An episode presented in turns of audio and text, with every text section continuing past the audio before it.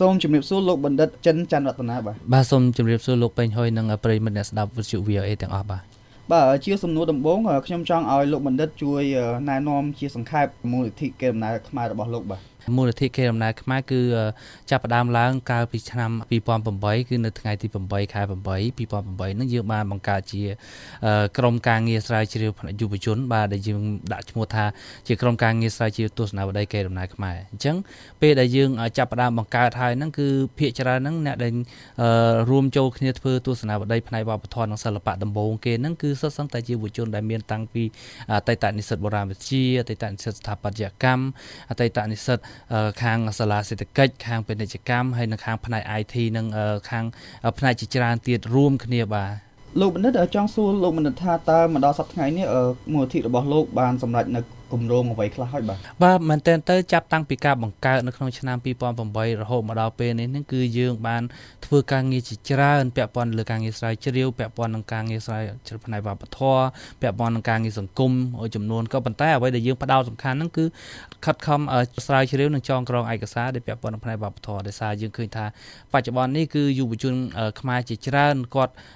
មានការខ្វះចន្លោះបាទដោយសារអ្នកខ្លះទៅក៏អត់បានដឹងអំពីរឿងប្រវត្តិសាស្ត្រអ្នកខ្លះក៏អត់បានដឹងអំពីរឿងប្រវត្តិធម៌ហ្នឹងអញ្ចឹងបានក្រុមការងាររបស់យើងហ្នឹងបានរៀបចំធ្វើអញ្ចឹងអ្វីដែលយើងបានធ្វើដំបូងហ្នឹងគឺបង្កើតជាទស្សនវិស័យបាទយើងបានចេញបាន2លេខកាលនោះគឺលេខទី1និងលេខទី2ក៏ប៉ុន្តែ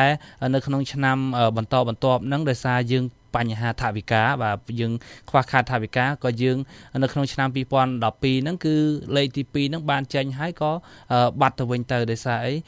ធម្មតាការចំណាយក្នុងការបោះពុំវាមានការចំណាយច្រើនចឹងក៏ពួកយើងបដូររូបភាពមកធ្វើជាការស្រាវជ្រាវហើយបង្ហោះនៅលើ website វិញបាទឥឡូវនេះយើងក៏មានគេហៅថា page បណ្ដាញសង្គម Facebook ដែរគឺលោកអ្នកអាច search បានថាក្រុមគេដំណើរខ្មែរហ្នឹងគឺយើងអាចរកព័ត៌មានពាក់ព័ន្ធនឹងការងារស្រាវជ្រាវរបស់គេដំណើរខ្មែរបានផងដែរខ្ញុំចង់ដឹងបន្ថែមទៀតថាតើក្រុមរបស់លោកធ្វើការស្រាវជ្រាវទៅលើប្រធានបទអ្វីខ្លះ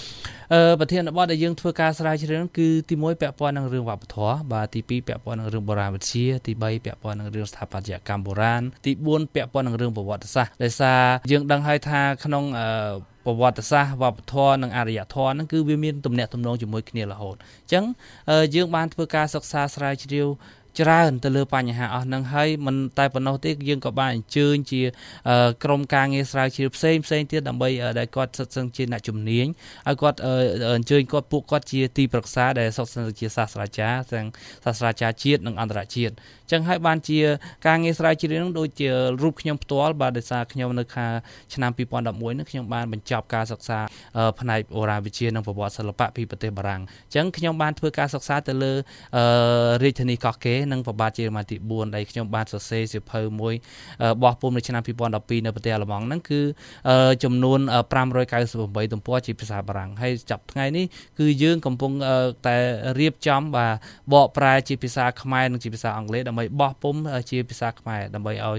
ជាប្រយោជន៍ដល់កូនខ្មែរទូទៅអញ្ចឹង បន្ទាប់មកគឺយើងធ្វើការសិក្សាស្រាវជ្រាវទៅលើផ្នែកបុរាណវិទ្យាហើយនឹងចុះទៅតាមភាសាផ្សេងផ្សេងបាទអញ្ចឹងយើងឃើញថាការចុះទៅតាមភាសាផ្សេងផ្សេងហ្នឹងគឺយើងត្រូវចំណាយថវិកាយើងត្រូវចំណាយពេលវេលាយើងត្រូវចំណាយធនធានមនុស្សអញ្ចឹងអ្វីដែលពួកយើងអាចធ្វើបានហ្នឹងគឺទៅតាមលទ្ធភាពបាទដោយសារអីគឺក្រុមការងារយើងហ្នឹងគឺ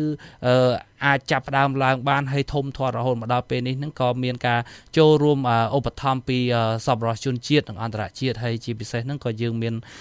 ការគ្រប់គ្រងពីអាដាមខៀវកញ្ញរិទ្ធរដ្ឋមន្ត្រីក្រសួងព័ត៌មានហើយខ្ញុំក៏បានសុំលោកជាគេហៅថាជាប្រធានកិត្តិយសនៃមូលនិធិខេត្តបណ្ដាខ្មែរដើម្បីធ្វើការលើការងារនេះបាទបាទខ្ញុំចង់បដោតអារម្មណ៍ទៅលើការចូលរួមរបស់យុវជនបន្តិចថាតើលោកបណ្ឌិតយល់យ៉ាងណាចំពោះការចូលរួមរបស់យុវជននៅក្នុងការថែរក្សានៅវប្បធម៌របស់ខ្មែរយើងសប្តាហ៍នេះបាទ អឺចំពោះបញ្ហានេះខ្ញុំឃើញថាសពថ្ងៃគឺមានការផ្លាស់ប្ដូរបាទចំពោះការចូលរួមរបស់យុវជនក្នុងការថែរក្សាវប្បធម៌នេះគឺមានការផ្លាស់ប្ដូរច្រើនណាស់ដោយសារបើយើង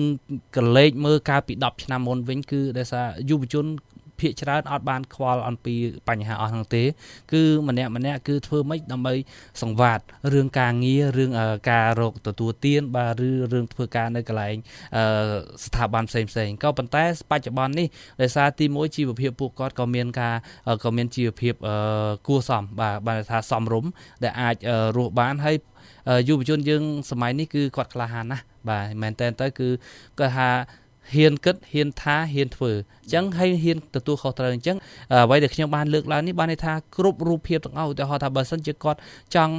ស្រាវជ្រាវឬក៏ចង់បង្កើតជាក្រុមការងារថែរក្សាដូចជាក្រុមការងារថែរក្សាផ្នែកវប្បធម៌ក្រុមការងារថែរក្សាខាងផ្នែកអីផ្សេងផ្សេងគាត់អាចបង្កើតជាក្រុមតូចតូចតូចតូចហើយធ្វើការរួមគ្នាទៅលើបញ្ញាហ្នឹងអញ្ចឹងយើងឃើញថាឥឡូវនេះគឺដោយសារហេតុអីដោយសារ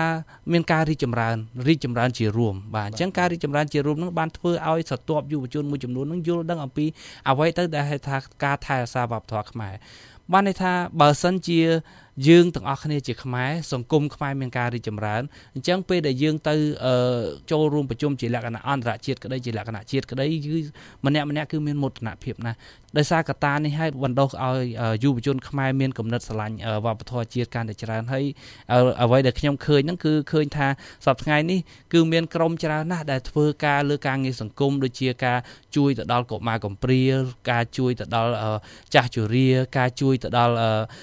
លើកស្ទួយខាងផ្នែកវប្បធម៌ហើយក៏មានអង្គការស្ថាប័នជាច្រើនទៀតដែលបានធ្វើការលើការងារនេះបាទសូមអរគុណច្រើនលោកបណ្ឌិតចិនច័ន្ទរតនាដែលបានចំណាយពេលវេលារបស់លោកមកកាន់សិទ្ធិយោរបស់ VOA បាទបាទសូមអរគុណបាទប្រិមិត្តក៏អាចស្ដាប់នៅបទសម្ភាសន៍នេះឡើងវិញដោយគ្រាន់តែចូលទៅកាន់គេហទំព័ររបស់ VOA